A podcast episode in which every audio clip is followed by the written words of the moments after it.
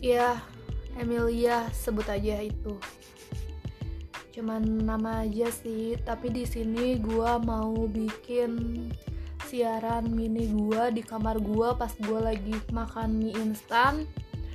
Gua bikin podcast ini karena gue bingung mau ngungkapin unek-unek gue dari segi segala macam dalam aspek gue so buat teman-teman yang mau dengerin ya is okay. Ini tapi ini caranya gue gue nggak akan ikutin pasar tapi gue mau lihat dari sudut pandang gue gue lakuin dari apa yang gue suka. Jadi buat teman-teman kalau mau dengerin terima kasih